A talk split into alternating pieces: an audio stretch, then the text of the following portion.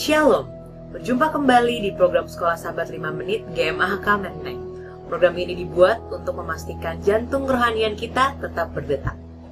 Saat ini kita kembali lanjut belajar pelajaran keempat dengan judul Melihat Wajah Tukang Emas. Kita lanjut pada hari Rabu dengan subjudul yang bijaksana. Kemarin kita sudah melihat pentingnya karakter bagi mereka yang menunggu kedatangan kedua.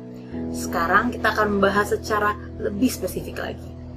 Apabila kita membaca di Daniel 12 ayat 1 sampai 10, di situ Daniel diberitahu bahwa tepat sebelum Yesus datang akan ada masa kesusahan. Di situ kita bisa melihat gambaran tentang orang fasik dan orang benar. Dikatakan orang fasik akan berlaku fasik, sementara orang benar akan bersinar terang. Orang fasik dikatakan tidak mengerti, sementara orang benar adalah bijaksana dan mengerti. Jika kita coba pahami lebih dalam, mengerti apa yang dimaksud di sini. Bijaksana seperti apa? Apakah mengerti tentang matematika, tentang IPA, tentang IPS? Mengerti apa sih yang dimaksud di sini? Amsal mengatakan, takut akan Tuhan adalah permulaan pengetahuan.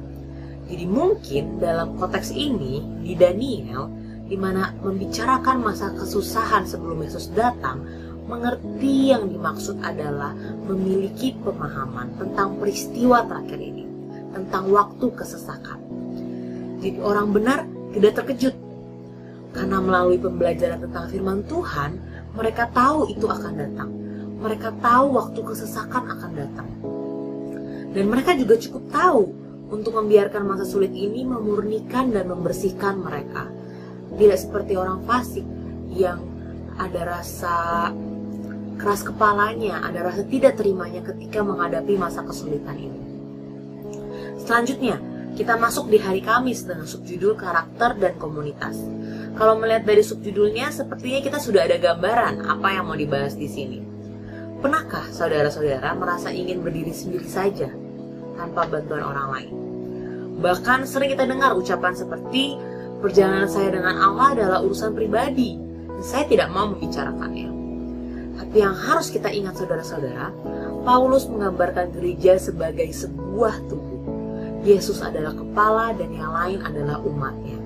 Dan jika dilihat di Efesus 4 ayat 13, kita bisa lihat bahwa tujuan akhir hidup dalam komunitas yaitu untuk mengalami seluruh ukuran kepenuhan Kristus. Itu artinya kita saling membutuhkan satu sama dengan yang lain. Kita membutuhkan saudara-saudara lain di gereja, dan kita juga dibutuhkan oleh saudara-saudara lain di gereja memang sangat mungkin kita sebagai orang Kristen sendirian. Seperti yang kita ketahui selama berabad-abad banyak orang Kristen yang diejek, dianiaya, sehingga berdiri sendiri itu terkadang tidak bisa dihindari.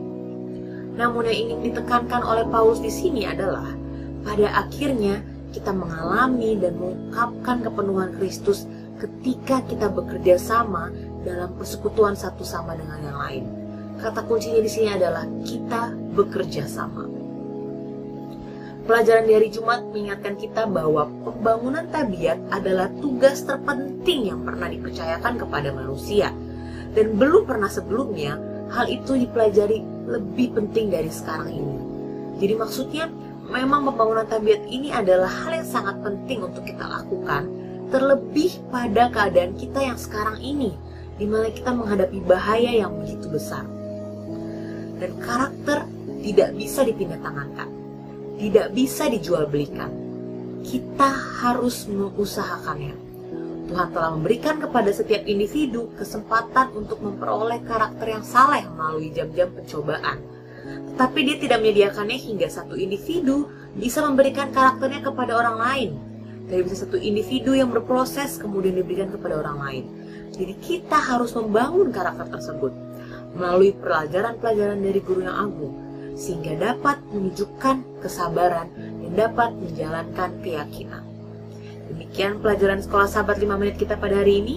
Kiranya Tuhan memberkati kita semua.